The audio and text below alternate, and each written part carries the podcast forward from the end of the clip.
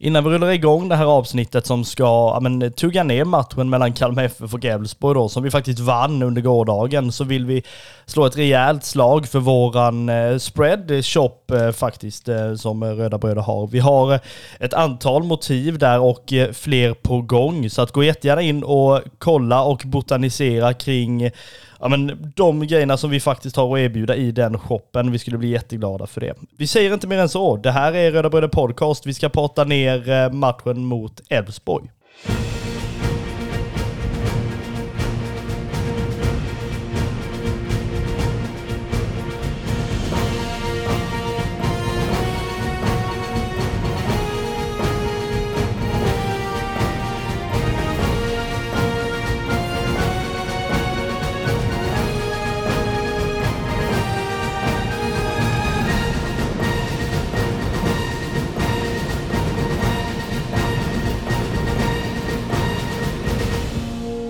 Du som lyssnar och har slagit på Röda Bröder Podcast ska känna dig extremt varmt välkommen till det här avsnittet. Det är ju så att eh, Marcus och Kristoffer sitter i ljusstaden och eh, ja, men, faktiskt innan vi satte igång pratade lite smått kring matchen igår som eh, men Kalmar FF spelade mot eh, IF Elfsborg. En eh, motståndare som det ja, men, samtidigt, alltså både på planen ser ut att faktiskt ha blivit en rival, men samtidigt support, supporterna emellan så är ju det här, det här är ju två lag som absolut inte tycker om varandra, även om derby inte finns någon som helst på kartan. Nej, det gör ju inte det, men samtidigt så, precis som du säger, så finns det ju en, ehm, en rivalitetsrelation mellan lagen och ehm, det märktes ju under matchen och eh, innan matchen också med tanke på stämningen på stan och lite sådär. Eh, där eh, pubsamlingen på eh, O'Larrys eh, ekade ju att eh, guldet ska hem och lite vad man tycker om, om Elfsborg helt enkelt. Ja, och det känns väl lite som att den, eh, den stämpeln eller så här, mellan de här två lagen har väl kommit när man faktiskt slog som guldet 2007-2008 där, de, de åren som faktiskt är, ja men ett par av de matcherna mellan Kalmar FF och Elfsborg som har varit, ja, men, i alla fall mina favoriter om man, om man ska uttrycka sig så. Eh, kollar man kring hur gårdagen var så blev det ju till slut i alla fall en vinst med 1-0 och det är ju man brukar ju säga det, vissa tycker att 1-0-vinsterna är de absolut skönaste, medan vissa bara ska leka djävulens advokat och då tänka varför gör vi inte mer än ett mål i matcherna? Ja, alltså 1-0-seger är ju klart att det är väldigt skönt eh, och att man eh, kan liksom eh, sno poängen från motståndarna. Det känns ju lite mer så när man eh, vinner med bara inom situationstecken 1-0. Eh, samtidigt så så vill man givetvis ha fler mål och man, alltså hjärtat eh, och ens eh, hälsa vill ju gärna att matchen ska vara avgjord så tidigt som möjligt med två, tre bollar. Eh, igår så fick vi ett mål och Oliver Berg fick stänka dit den och det lossnade för han. Och det är ju väldigt viktigt, inte bara för, för laget utan för, för Oliver Berg själv tror jag. Så att det, äh, alltså 1-0-seger är ju, är ju sköna i sig. Men samtidigt så kanske jag ville att eh, vi skulle stänga den lite tidigare. Ja, men lite kring det där känner jag också. Vi kommer under det här avsnittet att men dels eh, gå igenom själva matchen mot Elfsborg. Vi kommer också ta en liten del till att prata upp matchen mot Degerfors som kommer. Samtidigt är det så att eh, jag, eh, ja, men under då gårdagen fick eh, fatt i Papa Diouf som stannade till och vi hade ett, eh, ja, men ett samtal där eh, som vi faktiskt lägger in i det här avsnittet också. Vi kommer göra det om en liten stund. Det är ju ja, in, inte nog för att man var allmänt eh, starstruck igår med tanke på att det är min favoritspelare genom alla tider i Kalmar FF, men det är ju det är, det är ju en spelare man har men, längtat efter att den här typen av spelare ska ju komma hem. Ja men det, det har väl känts, eh, alltså för egen del så har det väl känts som en eh, omöjlighet att han skulle komma hem, eh, som han själv också kallar Kalmar för hem då. Att, eh, ja alltså det kändes lite som en, att det aldrig skulle hända egentligen med tanke på att han, han lämnade under 2019. Eh, blev väl i stort sett borttvingad från föreningen. Eh, och eh, det kan man ju i efterhand nu tycka var eh, för jäkligt helt enkelt. Men eh, eh nu i efterhand här när han har kommit hem igen eh, och eh, pappa Diouf Ramsan får eka på, på eh, sydostkurvan och eh, skapa en, en grym stämning. Eh, det var någon eh, jämte mig igår som eh, som frågade, mm, alltså behöver han ens röra bollen för att Ramsan ska eka? Absolut inte, så Han är ju en, en favorit bland, bland många och det är ju inte bara mm, hans sätt att, att spela utan det är ju hans sätt att vara som, vara som människa och lagkamrat och föreningsmänniska. Alltså han, han känner ju så pass mycket för, för Kalmar FF eh, ända in i, i hjärtat liksom. Det, eh, det, det är vackert att se och jag, jag är glad att eh, pappa Diouf är, är hemma.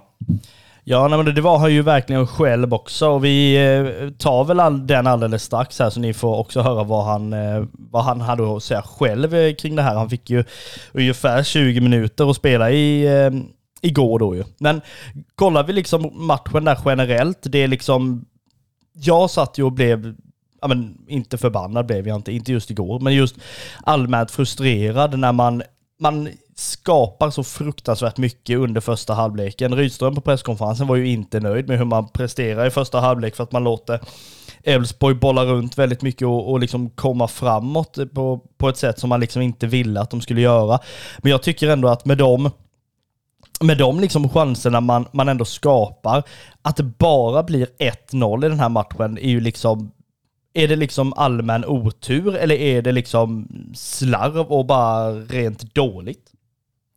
Ja, men dåligt skulle jag väl inte säga. Eftersom vi, vi vinner så kan man väl aldrig säga att det är dåligt. Men samtidigt så, så eh, precis som jag sa innan, så, så ville jag väl att vi skulle stänga matchen betydligt tidigare. Eh, jag tycker väl att vi, vi skapar ju chanser och, och göra fler mål. Det är ju, det är ju bara så. Och, och eh, till slut så, så lossnade det ju. Eh, och eh, ja, Oliver Berg får, får stänka dit den, precis som jag sa innan. Och det är ju det är ju viktigt att eh, han kommer igång även i, i poäng, ja, poängligan helt enkelt. Och, nej, det, men dåligt vet jag inte om man, om man kan, kan kalla det. Samtidigt så blir man ju arg i första halvlek när man eh, ser att vi har ett stort bollinnehav. Det kanske går lite för sakta eh, för att Elfsborg ska få, få jobba eh, och inte orka anfalla sen. För Elfsborg är ju duktiga i sitt raka, snabba spel, kontringsspelet, där de får ställa om ett gäng gånger och det blir lite halvfarligt. Eh, så att, alltså dåligt är det kanske på det viset att man, man låter Elfsborg vinna bollen och, och sen eh, ställa om och göra det som de är bra på. Det är ju inte det som är, är meningen, utan vi ska ju trycka ner dem och få dem eh, trötta så att de inte orkar anfalla. Ja, men lite så. Jag pratade med Sebastian Anasi efter matchen igår med. Den eh, intervjun kommer ni kunna läsa på eh, Svenska fans eh, när, när det här avsnittet är släppt, eh, ska jag säga. Men han, han liksom är ju inne på det som du säger, att man, man vill ha en spelare väldigt högt upp som egentligen ska jaga livet ur liksom en backlinje hos motståndarna. Och det, han ser ju det som en likhet mellan bland annat hur Kalmar FF spelar och sen hur Malmö spelar. Lite därför han, han också valde att komma till Kalmar. Men att att man liksom låter Elfsborg ändå på något sätt, inte vila ska jag säga, men alltså få något andrum överhuvudtaget. Det blir ju liksom en, en, eh, en injektion för dem att liksom kunna på något sätt eh, ja, men, lugna ner lite. Eller sådär. Den här klassiska grejen man brukar göra i 70 minuten när man inte orkar springa mer och man fejkar en kramp liksom. Det är lite det här, de får ju möjligheten att ja, men, samla ihop sig så smått, även om jag inte tycker de gör det särskilt bra. Nu ska jag inte säga så, man är ju extremt färgad i det här när man framförallt har vunnit och hybrisen flödar ju som det heter. Men just att jag tycker inte de är särskilt farliga på det sättet heller. De kommer runt på kanterna. Vad heter han? Simon Strand springer ju ifrån eh, Olafsson ett par gånger, men jag tycker liksom inte det är...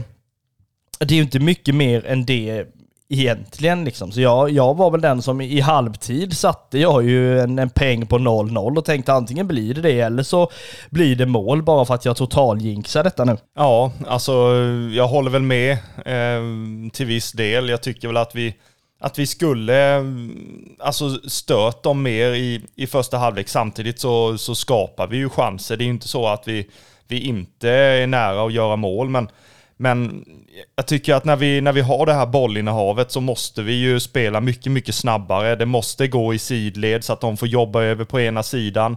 Kanske komma över då att Lindahl får ta en löpning och det kommer en, en genomskärare åt eh, ja, mot Bottre helt enkelt. Eh, och Lindahl är ju duktig också så att, eh, och kan göra två, tre gubbar ibland.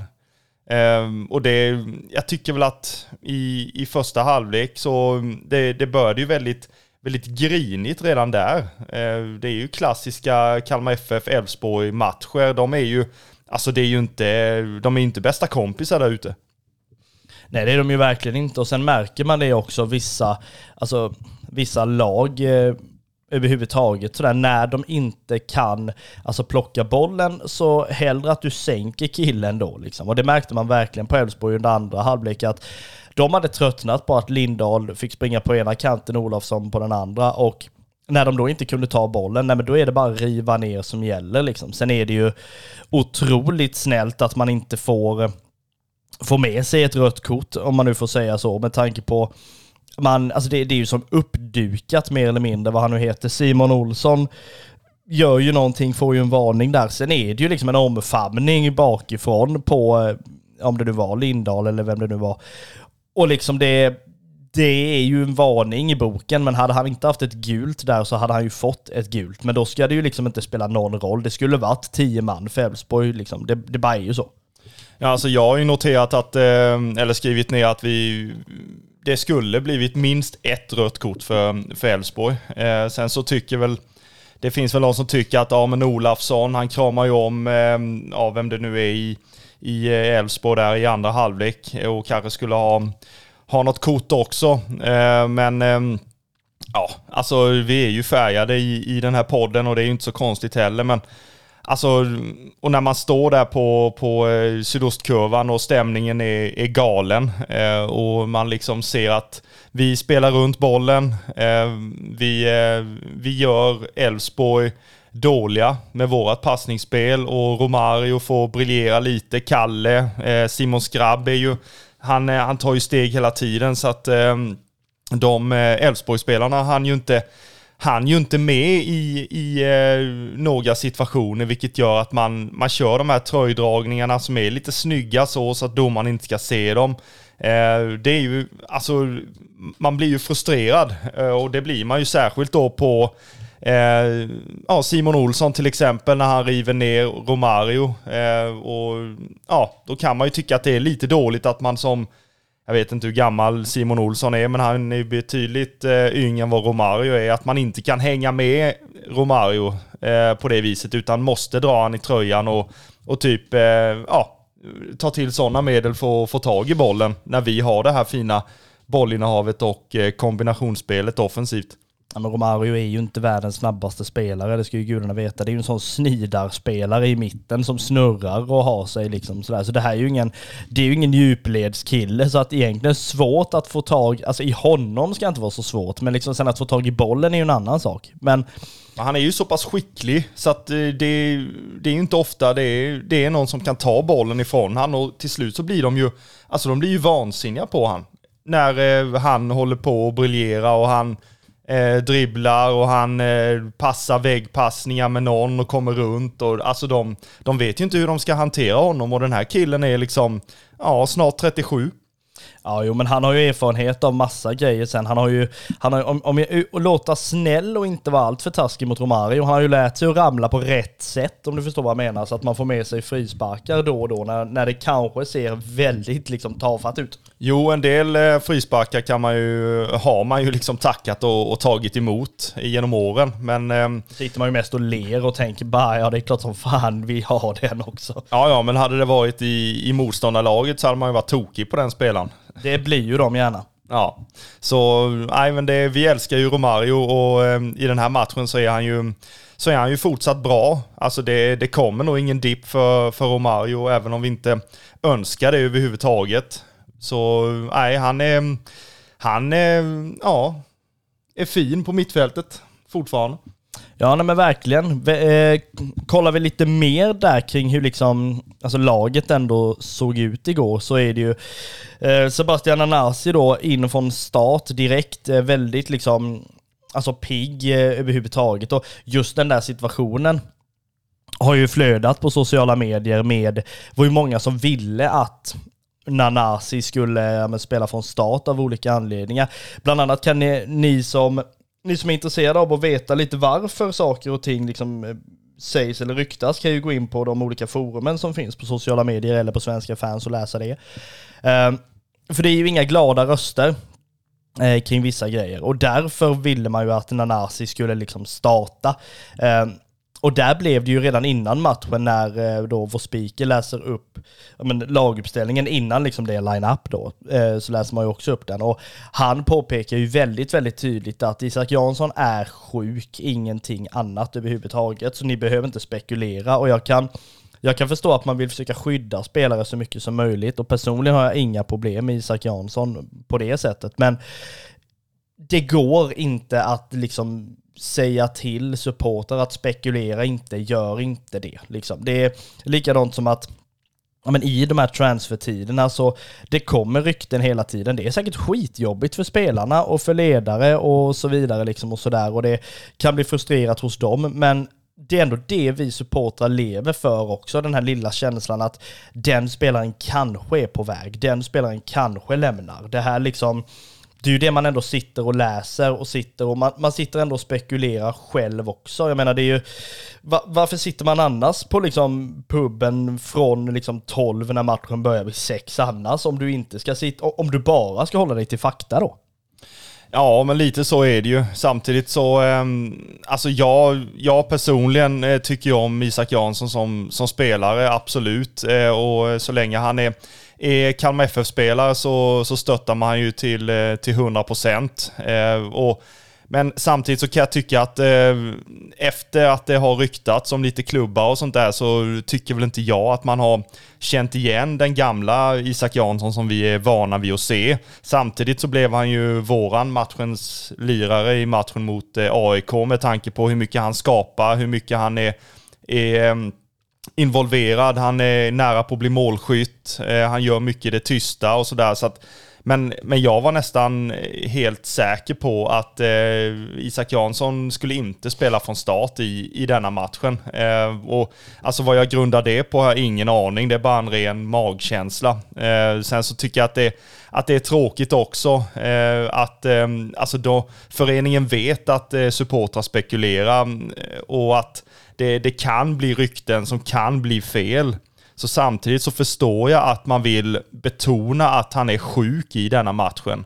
Eh, samtidigt så är han uttagen i truppen eh, som kommer ut officiellt på, eh, på hemsidan. Eh, och den kom väl ut eh, runt klockan eh, två kanske va? Någonting sånt. Eh, och sen är det ju bara några timmar kvar till, till det match och eh, kanske matchsamlingen då för, för spelarna. Och då så tas eh, Isak Jansson ur truppen ganska tätt inpå. Eh, och då, då är det klart att eh, det är ju liksom öppet mål för spekulationer. Det, det är det ju. Eh, och, och så på det viset så förstår jag att man vill poängtera att han är sjuk då.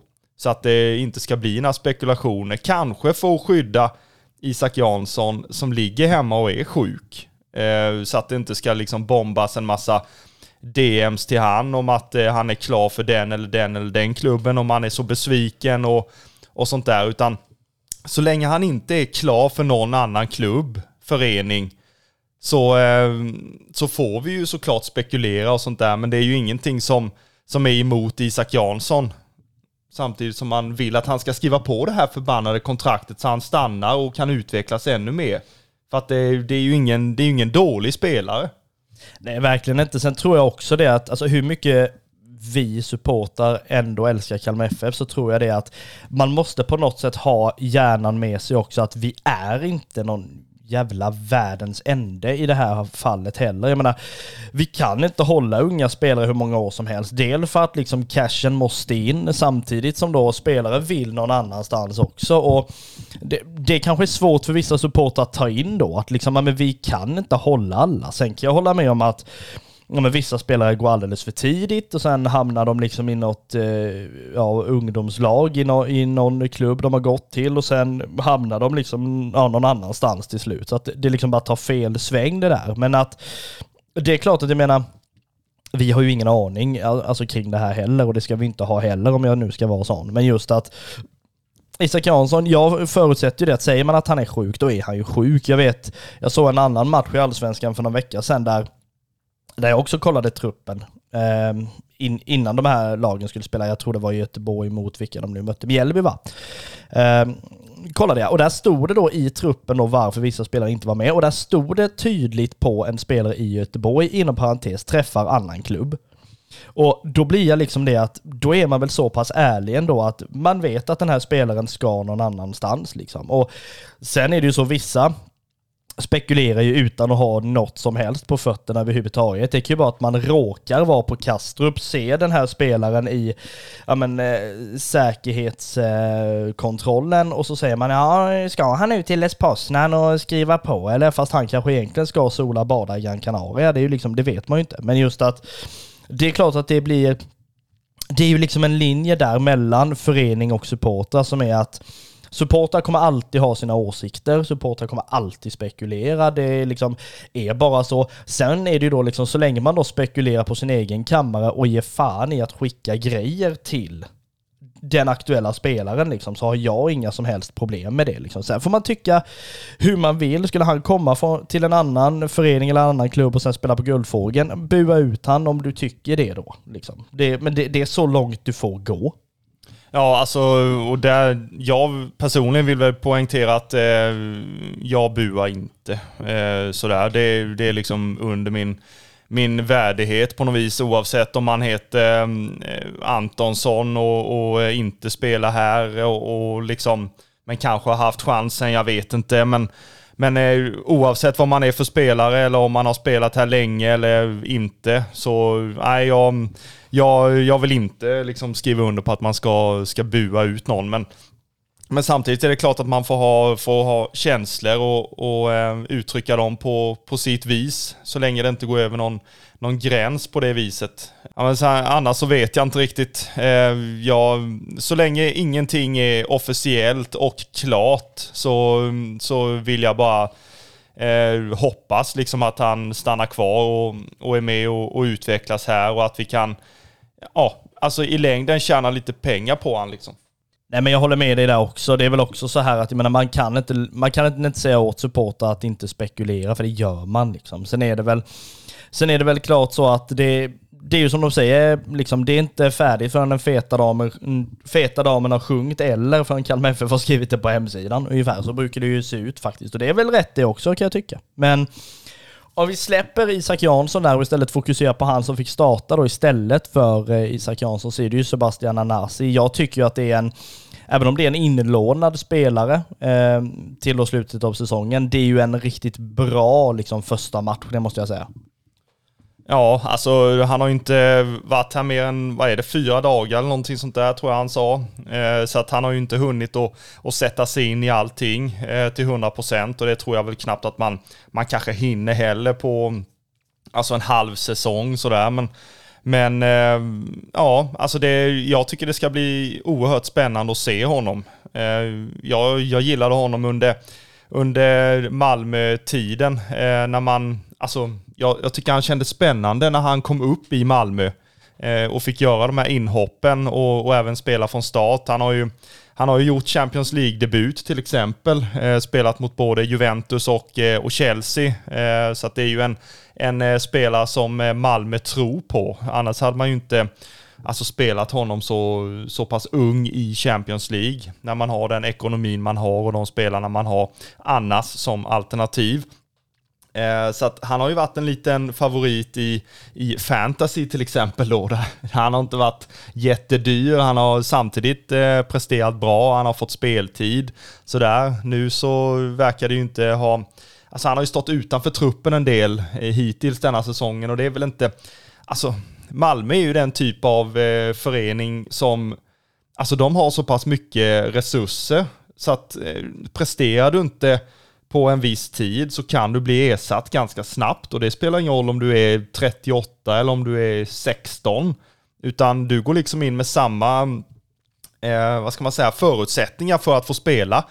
Eh, och han har ju liksom halkat mer, mer och mer ifrån eh, startelvan och, och, även bänken också ibland. Så att, nej, det, jag tycker det ska bli spännande och det är väl lite så här revanschlusta och, och motivation för honom att eh, visa att han, att han fortfarande är, är en bra spelare och håller i allsvenskan och, och sånt där. Så att, ja, jag tycker det, det är klockrent att, att låna in honom. Samtidigt så, så vill jag väl att det ska vara alltså vår spelare eh, till slut sen om han Alltså efter, ja jag vet att han har ett skitlångt kontrakt i Malmö liksom till 2025. Eh, så att det är ju inte någon sån här köpoption i slutet av säsongen som kanske är, är aktuellt. Men bygger man upp den här relationen med han och han presterar och han trivs här så kanske det inte finns några mm, hinder för att vi kanske får se han i rödvita tröjan en gång till senare i, i karriären.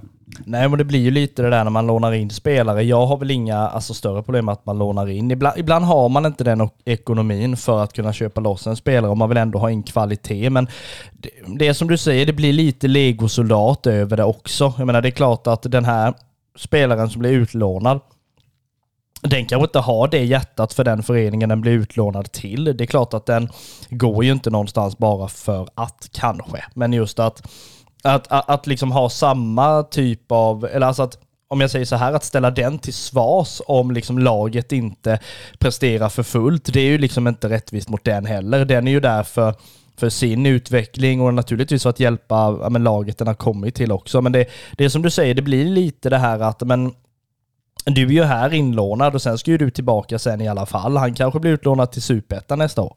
Det blir ju lite så här att eh, om man är inlånad någonstans så vill man väl att, eh, alltså man vill ju hjälpa det laget som man har kommit till för att man själv också ska kunna utvecklas.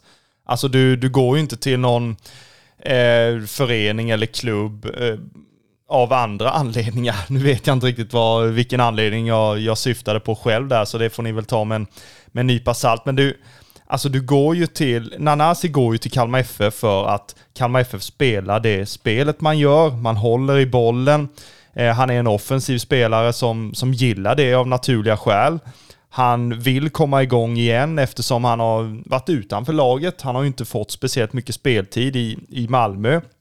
Så att den motivationen finns ju att komma tillbaka till eh, ja, gammal god form inom eh, situationstecken och samtidigt hjälpa föreningen och laget att eh, ja, komma så högt upp i, i tabellen som möjligt. Så att på det viset är det ju lite win-win. Går det bra för laget så går det bra för Nanasi och går det bra för Nanasi går det bra för, för laget kanske då ju. Eller hur? Ja, nej, men så kan det ju vara också. Och jag menar, det, det är klart att eh, Alltså man, man kommer till, till en förening dels för att utvecklas själv och sen för att ja, men hjälpa till. Eh, liksom. Hade, hade man inte gjort det, då hade man inte fått spela heller i, i den klubben man är liksom utlånad till naturligtvis. Uh, men väljer vi att släppa Nanasi och istället gå på en eh, rejäl publikfavorit som var tillbaka på Guldfågeln och möttes av rejäla applåder så var det ju Papa Diouf. Och vi Fick en möjlighet att eh, prata med honom i, eh, igår efter matchen och nu ska ni få höra mig på att prata på engelska. Det har jag inte gjort sedan jag, sedan jag pluggade i USA faktiskt, då man var tvungen att prata engelska. Men det här jag hoppas att ni förstår i alla fall. Om inte annat så är det så att han, han pratar väldigt mycket om att han har en han kommer tillbaka som en helt ny spelare jämfört med när han lämnade. Han har en erfarenhet. Han, han eh, känner verkligen också att han har kommit hem och att få spela på, på Guldfågeln igen inför de här supporterna är någonting han, han har längtat efter och sett fram väldigt mycket emot. Men vi gör så att vi lyssnar med eh, stjärnan själv. Det här är ju Papa Diouf.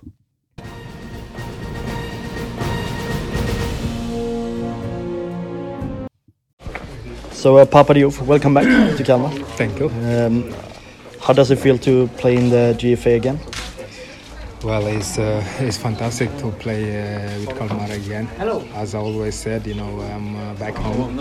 It's like you are home, you're playing home, so that feelings is like, uh, I mean, it's difficult to describe it in words. I'm very, very happy and proud to be back in this uh, arena to see these fans, uh, you know, and enjoy this football Kalmar is playing this year.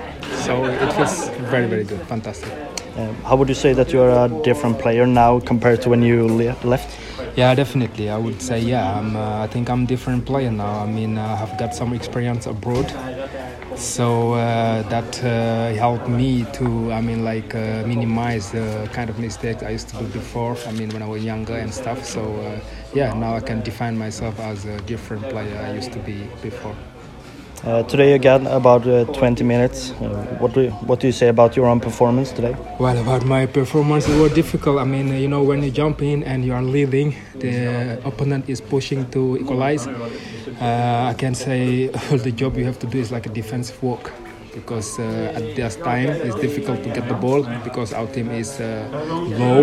We are defending. You just have to go for duels, you know, balls in the air, uh, just fight and run and I uh, that's what I was trying to do to help the team to uh, win some time and uh, yeah. So the time I came in was difficult to play football. It was about to fight, to go for duels, and I tried to, to, to do that.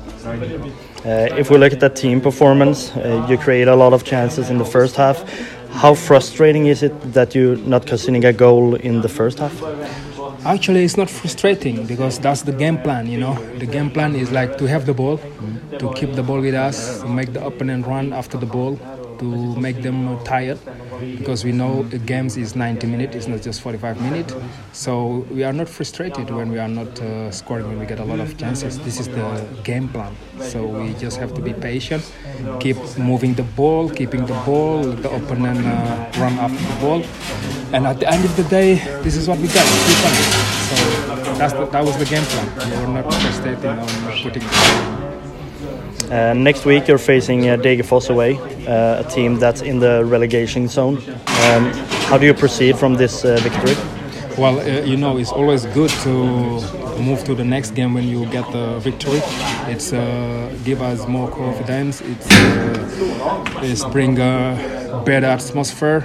So and this away game uh, against Degerford, this is the kind of game you have to really prepare because, as you said, they're fighting for, they're like uh, behind us, so it would not be easy. They are uh, fighting for their uh, place in Alvenska. So uh, we have just to take this uh, positive energy we got from this victory today and go with it in uh, Degerford. Tack så mycket. Tack så mycket.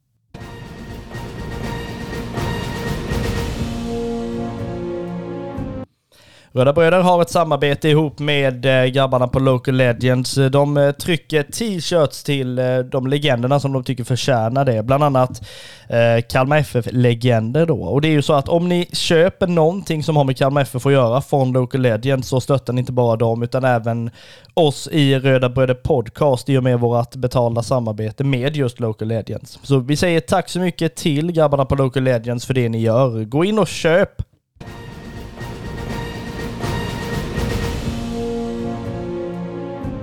Vi eh, ska väl göra som så här att vi eh, ska avsluta segmentet om eh, matchen mot Elfsborg. Det gör vi ju med de två sedvanliga punkterna vi har. Vi kommer bland annat dra matchens tre stjärnor och sen också matchens frågetecken. Men vi börjar ju med det absolut första.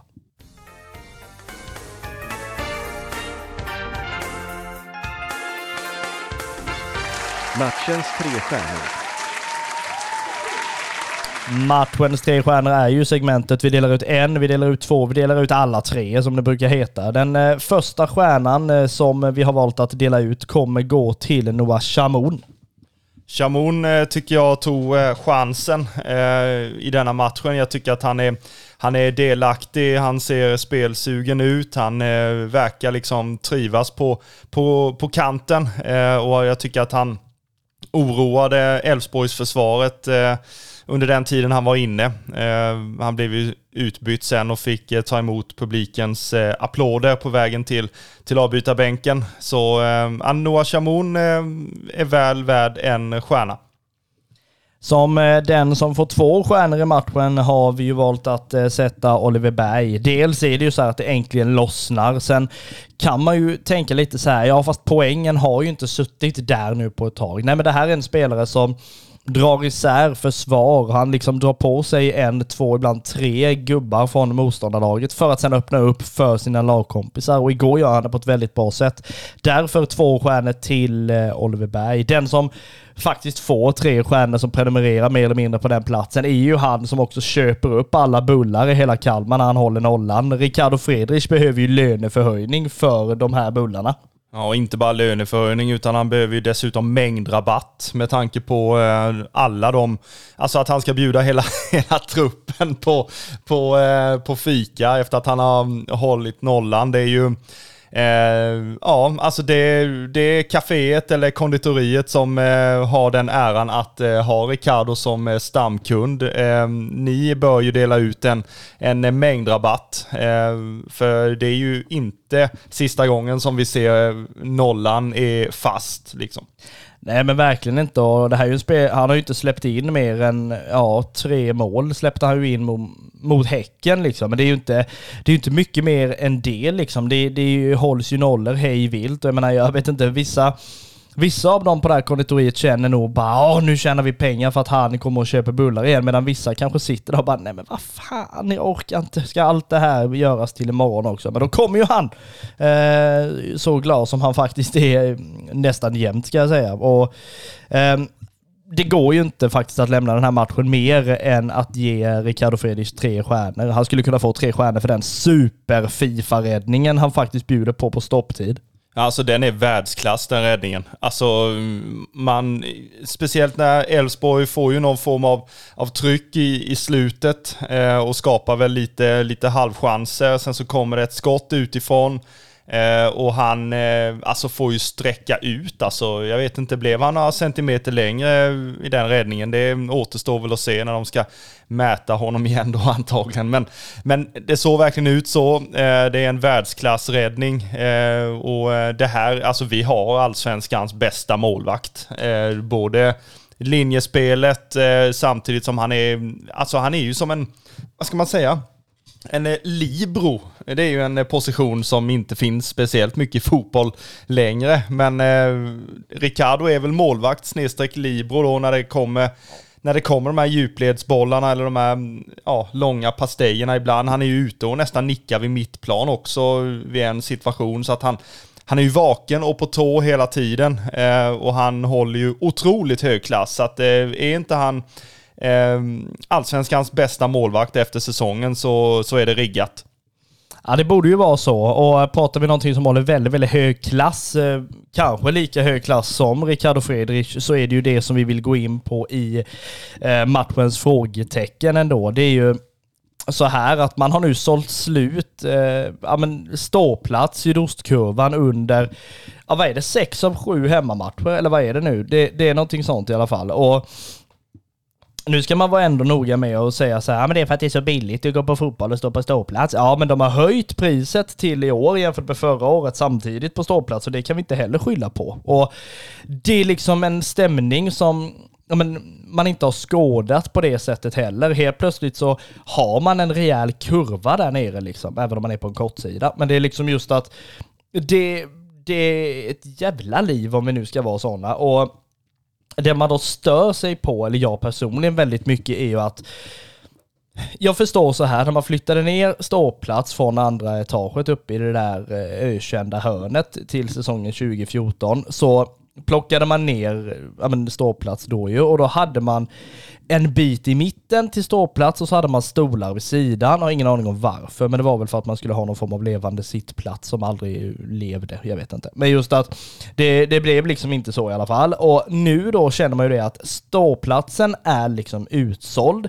Sen är det liksom halv inte halvtomt är det inte, men det är ju liksom inte fullt på de stolarna heller. Så man, man liksom bör ju ändå lyfta en, en hand i det här klassrummet och faktiskt fråga vad, varför har vi stolarna överhuvudtaget? Är det liksom folk som eh, Ja, alltså när man ändå inte kan köpa till ståplats, den är utsåld fast det är ju inte alla stolar som är fulla. Jag liksom förstår bara inte. Varför plockas inte stolarna? Man kan väl inte köpa, eh, köpa de platserna heller va? Det tror jag knappt man kan längre. Jag, jag vet inte det. Det här får Marcus Rosenlund på, på kontoret, kansliet, får väl, får väl svara på det om det går överhuvudtaget. Men jag tror, jag tror knappt det. Och det man då liksom kan, kan ha åsikter kring är ju att, ja men, ska man verkligen Säg så här, ska man liksom verkligen ta bort stolarna då, riskera att det inte blir eh, slutsålt och låta den vara kompakt och att folk då får jaga biljetter på sociala medier, vilket folk faktiskt gör, vilket också är helt sjukt, att, att man liksom jagar en ståplatsbiljett två dagar innan. Men ju, just det här liksom att Ska man inte plocka stolarna utan låta det bli utsålt eller ska man, ska man liksom plocka dem då och så får man inte läsa att det är utsålt? Nej men det kanske ändå är så att helt plötsligt får man in mer folk. Och det är klart att jag känner väl det att antingen så så, så liksom plockar du stolarna, ser till att folk kan köpa och gör sektionen ännu större. Eller så liksom ser du till att folk inte kan sitta på stolarna och lägger banderoller över eller någonting. Sånt där som man, man kan göra på andra, lång, andra kortsidan liksom. Att, alltså det, frågetecknet är väl så här, när ryker stolarna?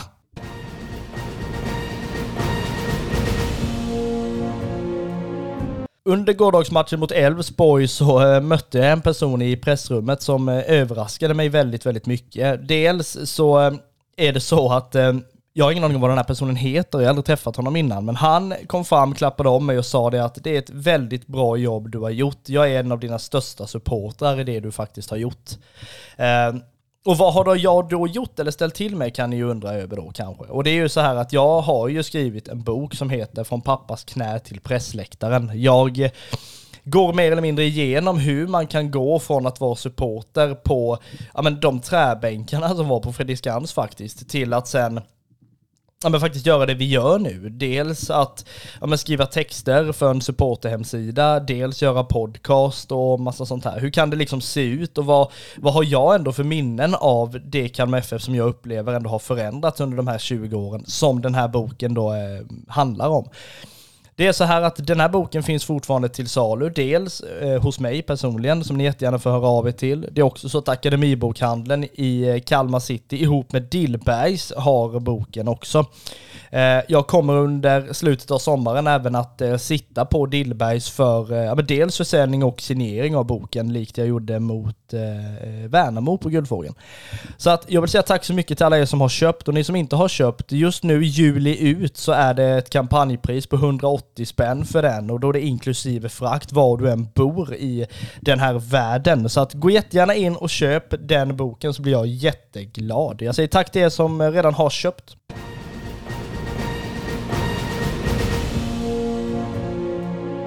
Nästkommande motståndare för Kalmar FF efter den här vinsten mot Elfsborg med 1-0 är ju då de laget som är, ja, men står på hissen redan för ner till Superettan eventuellt. Det är ju Degerfors som hemmaplan har Stora Valla där eh, den här matchen då ska spelas. Man ligger ju alltså riktigt, riktigt illa till om man nu ska vara så. Man har två vinster på om det är 14 eller 15 matcher och deras bästa målskytt är, hör och häpna, Diego Campos på två mål.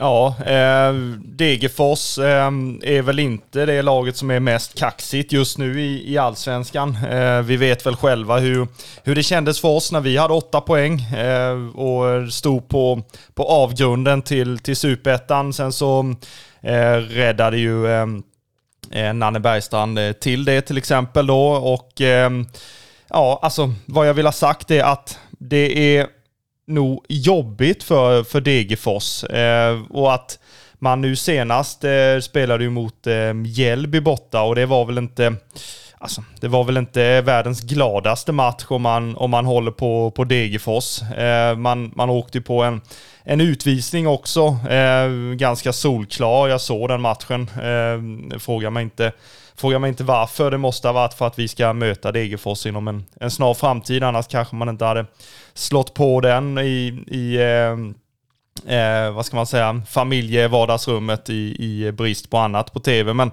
men eh, den eh, utvisningen som jag vill komma till, den var ju ganska solklar och den kanske är en, eh, ja, två matcher i alla fall minst. Med en utsträckt eh, vrist och dobbarna före och, och hela kalaset helt enkelt. Eh, men Degerfors som motståndare är ju jag tycker de är rätt så jobbiga ändå. Eh, sen så kan man ju luras av att de, att de ligger sist och att det är jobbigt och sånt där. Men är det någonting som, som eh, mindre föreningar och mindre klubbar har som styrkor eh, är ju att man sluter sig ihop med, med samhället, med sina supportrar, med styrelse, med spelare och man, man liksom vill göra någonting tillsammans och man växer av det. Eh, så att jag, jag tror inte det blir någon eh, jättelätt match i, på Stora Valla under, under söndagen, utan vi, vi får nog kämpa ändå liksom. Ja men det tror jag. Det, det är väl liksom just så att, eh, vi har ju sagt det innan i alla fall, att är det så att en, ett lag har det väldigt svårt så är det väldigt tacksamt att möta Kalmar FF för där brukar liksom trenderna brytas eller sådär. Och jag, jag tror väl på något sätt att antingen så kommer matchen bli om en klang jubel fullständigt, att det liksom körs över med 4-0 eller någonting. Eller så blir det en sån här irriterande match igen där man liksom man faller tillbaka i liksom de här mönstren då, att, att man har gjort en jättebra insats och sen så kommer det menar, någon, någon mindre bra insats istället. Och jag menar Degerfors borta, de, de liksom kämpar ju med alltså näbba och klo för att ens hålla sig kvar på den här klippan de liksom sitter på. Sen är det ju så väldigt mycket kan hända. Det är fortfarande bara halvtid i allsvenskan, det ska vi komma ihåg. Men just att det är Nej, det, det, är liksom ingen lätt match att åka ner och, eller eh, ner, man åker upp och det gör man faktiskt, och att till eh, Värmland då, men just att, att komma dit och att tro att man på något sätt ska kunna spela ut dem, att de bara står med mössan i hand och redan, redan är nere. Det är ju extremt naivt att liksom tro det. Jag tror absolut inte att eh, spelarna och eh, Rydström tror det. Eh, och är det så att spelarna visar någon, eh, någon typ av tecken på det så kommer ju Rydström att vara på dem som en, som en igel, att de absolut inte får tänka åt det hållet, utan här ska det gås ut, det ska göras ett jobb, vi ska eh, fortsätta att mala ner våra motståndare sakta men säkert, avgöra matcherna.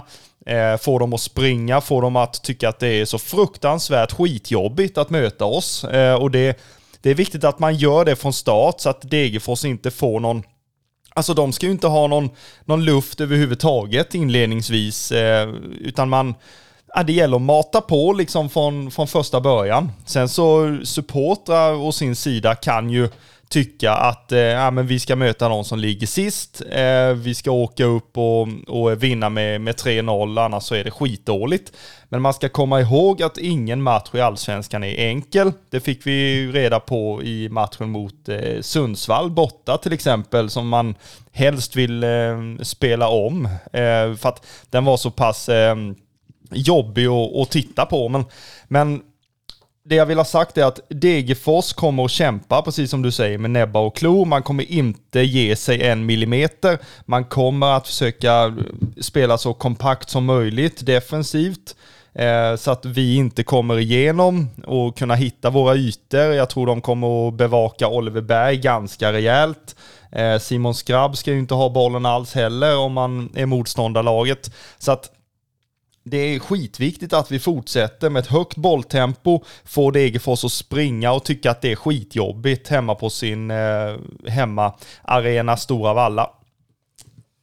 Ja, nej men verkligen. Och är det någonting man liksom ändå kan, kan liksom eh, alltså hoppas på så är det ju att man just ska liksom jaga livet ur, ur Degerfors på det sättet. Sen är det väl liksom så, vissa utav de här, alltså nu vet jag inte om det är så, men det känns lite som att allsvenskan är så himla inte o, eller o, kanske ojämn när det gäller liksom arenor och så vidare. Det är de små idrottsplatserna och det är de jättestora byggnaderna för miljarder liksom så här att det kanske då är så att, jag menar, Degerfors trivs jättebra hemma på Stora Valla som, liksom, som, vissa lag börjar undra vad det, vad det liksom är för plats man har kommit till överhuvudtaget. Och det är väl, det är väl just det man liksom kan, kan känna är, är viktigt just i en sån här match, att de är säkert jättetrygga där hemma på sin hemmaarena då, men att inte låta dem vara det utan liksom vara extremt liksom jobbig verkligen och på något sätt göra så att de hoppas att när det är halvtid så borde matchen vara slut. Ja, det är ju den inställningen man vill, man vill att de ska ha i, i, när man är motståndare till, till oss helt enkelt. Att det, det ska vara skitjobbigt och man ska få kämpa och slita och alltså man ska inte få en enda poäng gratis eller en enda målchans gratis när man möter oss. Um, nu låter det som att vi är något uh, världslag uh, här, men det, men det är den inställning man vill ha oavsett. Liksom. Um, och ja, Jag hoppas bara att vi, att vi kommer därifrån med, med tre poäng givetvis. eh, och samtidigt att eh, ja, kanske våra offensiva spelare eh, hittar nätet i, igen. Eh, nu vet vi ju inte helt säkert hur, jag har inte läst de senaste rapporterna, men men eh, Lars Sätra gick ju ut eh, skadad i, i matchen mot Elfsborg igår. Eh, och det lät väl som att det var någon stukning eller något sånt där. Jag, jag vill inte spekulera ens i det där, för det, det ska vi ju inte göra. Men, men han är ju vår bästa målskytt, eh, oavsett vad man eh, säger med sina fyra mål. Eh, så att han är ju han är ju viktig både defensivt eh, på fasta situationer och, och även offensivt i och med att han är ett sånt hot i, i luftrummet. Eh, så att, ja, det är våra offensiva spelare och Oliver Berg har ju, har ju kommit igång igen nu med målskyttet efter ja, segermålet igår. Eh, så att har det lossnat nu? Ja, jag hoppas det. Så att, ehm, nej, vi, vi, eh, vi ska väl åka iväg därifrån med, med tre poäng. Vi har ju inte, alltså vi har ju slutat jinxa i den här podden. Eh, det har jag ju sagt åt dig att det får du ge fasen i. För det, det har, ju, det har ju gått eh, tvärt emot de gångerna. Så att, eh, ja, men det, du, är, du är färdigjinxad för, för denna säsongen eller? Ja det verkar ju så. Jag satt ju igår och kände det att jag vill inte ha 0-0 och då gjorde jag den äran till alla att jag tippade 0-0 i halvtid och sen tog det tre minuter och sen blev det mål. Så tacka mig att det blev 1-0 seger då. Ja men då får, får vi väl uppmana alla då att ja, tippa, tippa förlust då. Alla ska tippa 0-5 eller 5-0 till Degerfors och så blir det inte det. Eller blir det det och då är ni miljonärer sen. Ja fast vi är vansinniga att eh, vi inte vinner och det är väl det som är, är huvudsaken. Ja, i princip. Eller kan du ju skänka allting till eh, Ricardo för nästa match när han håller nollan då. Ja, eh, mängdrabatten ska han väl ha fortsatt. Eh, så eh, ja, nej, men det är... Man, är det inte lite långt nu att vänta en vecka med att de ska spela igen eller? Ja, alltså egentligen, man vill väl egentligen det här att det när det går så här pass bra, då vill man ju nästan, alltså inte ut dagen efter, det hade man ju inte orkat. Men jag menar just att, alltså att man hade haft någon match i veckan, det hade ju inte gjort någonting. Och jag menar, jag tycker att visst, äh, spelare i allsvenskan som äh, tränar så pass mycket som de gör och faktiskt gör, alltså, ja, överhuvudtaget så ska kunna spela två matcher i veckan utan problem liksom sådär. Och sen, sen är det väl så att man vill väl jättegärna egentligen inte vänta, alltså den, den, här veckan då för att man ska få spela igen. Liksom. Sen, sen väntar jag ju mycket hellre en vecka än att behöva spela mot något lettiskt lag i någon conference League bla bla bla inför liksom ingen alls. Men just att, att vänta den här veckan, det är klart att den är extra jobbig nu när man liksom vet att man har en vinst i ryggen. Liksom. Och jag tror att det hade varit likadant om man hade förlorat. Då hade man ju liksom haft revanschlustan igång istället. Ja, eh, alltså, men när, när vi var små till exempel. Eh, nu, nu tänker alla så här, ah, nu ska han berätta något här som tar en timme. På 90-talet. Innan Kristus. ja, nej, så gammal är jag inte än. Men, eh, men när, när Kalmar FF var på Fredriksskans eh, och det var mm, alltså utskrivna träningstider till exempel, så då eh, kunde vi ha spelat match då dagen innan där och sen men sen var man ju där på träningen dagen efter och, och liksom kollade ja, sitt lag igen då, fast inte när de spelade match, utan då var det ju då var det ju träning, men då var det väl alltid någon provspelare man skulle spana in ju. Det var ju kvadraten och eh, återhämtningsträning, sånt här kul. Det var det man åkte ner och kollade på. Men det sket man ju i vad det var liksom. Det bara man fick se sina, sina hjältar så var man ju, var man ju eh, tillfredsställd eh, den dagen ju. Ja, det var man ju faktiskt. Och det, det är väl också det som är det roliga nu, att ni som ska upp till Degerfors, det är ju ändå en buss full, det måste man ju ändå säga. För några, om vi pratar om att ståplats är utsåld i liksom vissa matcher, eller de flesta matcherna nu, så kan man ju säga att en full buss mot Degerfors, det hade man ju inte sett röken av för ett tag sedan. Då hade det varit ja, en mini, halvfull minibuss, tre supportrar, sju flaggor där uppe. Ja, men samtidigt så eh, desto mer hjärta tror jag att man åker upp, eh, även hur, hur många till antalet man är. Eh, vi hade ju tre supportrar för några år sedan va, som, som åkte på, på allt och såg allting hemma. Och Alltså det, det är ju en bedrift som är helt sjuk egentligen. Man är ju inte i närheten av den, den själv.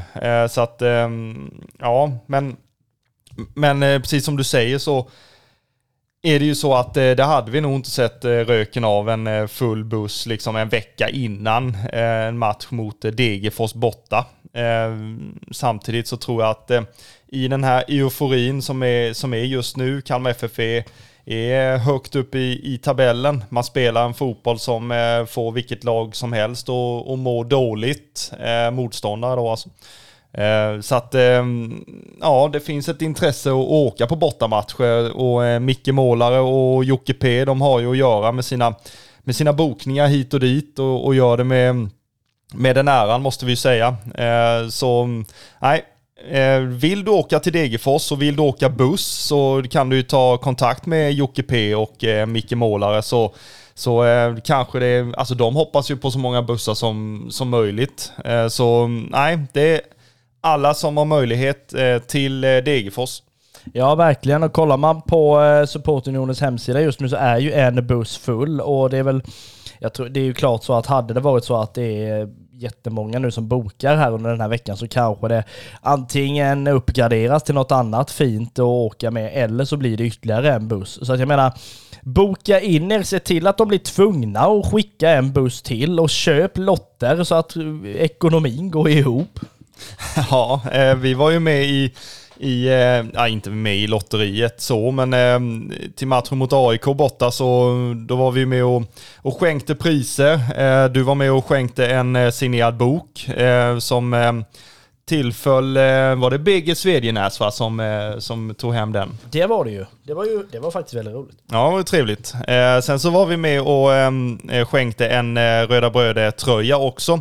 Eh, så att, eh, ja, vi hoppas eh, du som vann den är nöjd med den. Annars får du höra av dig och byta storlek eller byta färg eller sånt där så, så löser vi det givetvis. Eh, men alltså, det händer ju väldigt mycket kring eh, bortamatcherna också, inte bara hemma. Eh, jag tycker ju att eh, supportunionen gör ett, ett fint jobb, eh, så att det är ju bara att, att fortsätta med det, för ehm, eh, ja, ni är hjältar helt enkelt. Ja, det mest roliga var ju att i den här resan då som eh, man var på senast mot AIK, då till och med sålde man ju eh, lotter på Twitter till slut. Det var jag är i bussen, swisha mig så löser jag fyra lotter till dig. Det var ju kanon. Eh, så det kan man ju också göra om man vill, men oavsett det så åk upp till Degerfors. Det här kommer bli eh, kanon och eh, ja, nu får man väl säga så. Varför sitter du, varför sitter ni där och säger att alla andra ska åka upp när ni inte själva gör det? Jag hade jättegärna åkt upp denna helgen, men dessvärre funkar det inte denna helgen. Men någon form av bortamatch innan den här, ehm, eh, vad heter det, säsongen är slut bör det ju bli. Och då är det ju inspelning på vägen hem. Ja, eh, eller på vägen dit kanske, eh, som vi gjorde i matchen mot, mot Mjällby. Har man, inte, har man inte hört det eh, snacket där i bilen innan Mjällby-matchen när du kör så fruktansvärt fel och du skyller på allt möjligt utom, utom dig själv. Eh, det, är ju, det är ju värt att, att lyssna på om man vill ha lite, lite gnabb också så här bröder emellan. Ja, nej, men verkligen. Eh, så att oavsett det så boka in er till Degerfors och vill ni inte åka buss, vilket inte alla vill, utan man vill åka bil själv, så åk bil själv då. Eller eh, kolla med några som bor längs vägen och så kör ni en egen roadtrip upp till Värmland. Det här kan nog bli ganska bra tror jag oavsett det. Men vad, vad liksom känner man för om vi kollar matchen generellt sett, liksom, vad kan vi tänka oss för match i den här matchen? Är det liksom att, är det alla på campus och se till att det inte blir mål? Eller vad, vad, liksom, vad är det liksom vi ska ha för match? Ja, men det är klart, mycket av Degerfors spel eh, går ju genom Diego Campos. Han är ju deras eh, bästa målskytt hittills. Eh, han eh, värvades ju in som en, en form av ersättare till eh, Victor Edvardsen som eh, fortsatte sitt eh, äventyr i eh, storstan och eh, Djurgårdens IF. Men Ja, alltså det är ju den killen egentligen vi, vi måste ha mest koll på tror jag. Han är skicklig och han, han kan göra sina mål. Och ehm, Ja, det, mm, så länge inte Djuric är med till exempel. Djuric är ju också en, en duktig spelare när han, när han vill. Eh, så mm, ja, det återstår väl att se om han, om han finns med i truppen också. Men, men eh, Diego Campos tror jag absolut vi får, vi får se upp med. Eh, och eh, det är väl någonting att bita i för eh, Rasmus Sjöstedt i, i eh, djupledsspelet defensivt. Ja, men verkligen. Eh, oavsett eh, hur det kommer se ut så tror jag det kommer bli en, en väldigt liksom, eh, alltså, spännande match om inte annat. Förhoppningsvis blir det väl inte allt för spännande jämfört med med hur matchen blev igår, utan det kan förhoppningsvis avgöras under ett tidigare skede om vi säger så. Men oavsett det så ska vi ju faktiskt avsluta det här avsnittet med att vi lägger en tippning och jag ska inte jinxa helst överhuvudtaget, men jag hade inte mått dåligt om ifall det nu hade verkligen exploderat och man åker hem ifrån eh, Degerfors med faktiskt 1-3 i bagaget.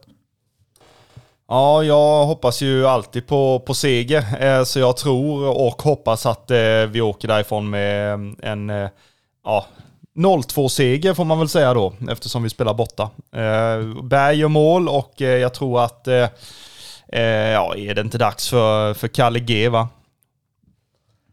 Jo, det tror jag. Det hoppas vi väl absolut om inte annat. Eh, att eh, det blir målkalas uppe i Värmland. Vi gör som så här att vi eh, tackar dig som har eh, varit med oss under eh, den här dryga timmen ändå när Bröder Böder Podcast. Vi rullar ju vidare som Kalmar FF också gör, förhoppningsvis i segertåg-fasoner ehm, om man nu får säga så. Vi säger tack så jättemycket till er som har lyssnat. Vi återkommer efter matchen mot Degerfors när vi förhoppningsvis har vunnit. Det här är Röda Bröder Podcast. Vi är en supporterpodd om Smålands stolthet.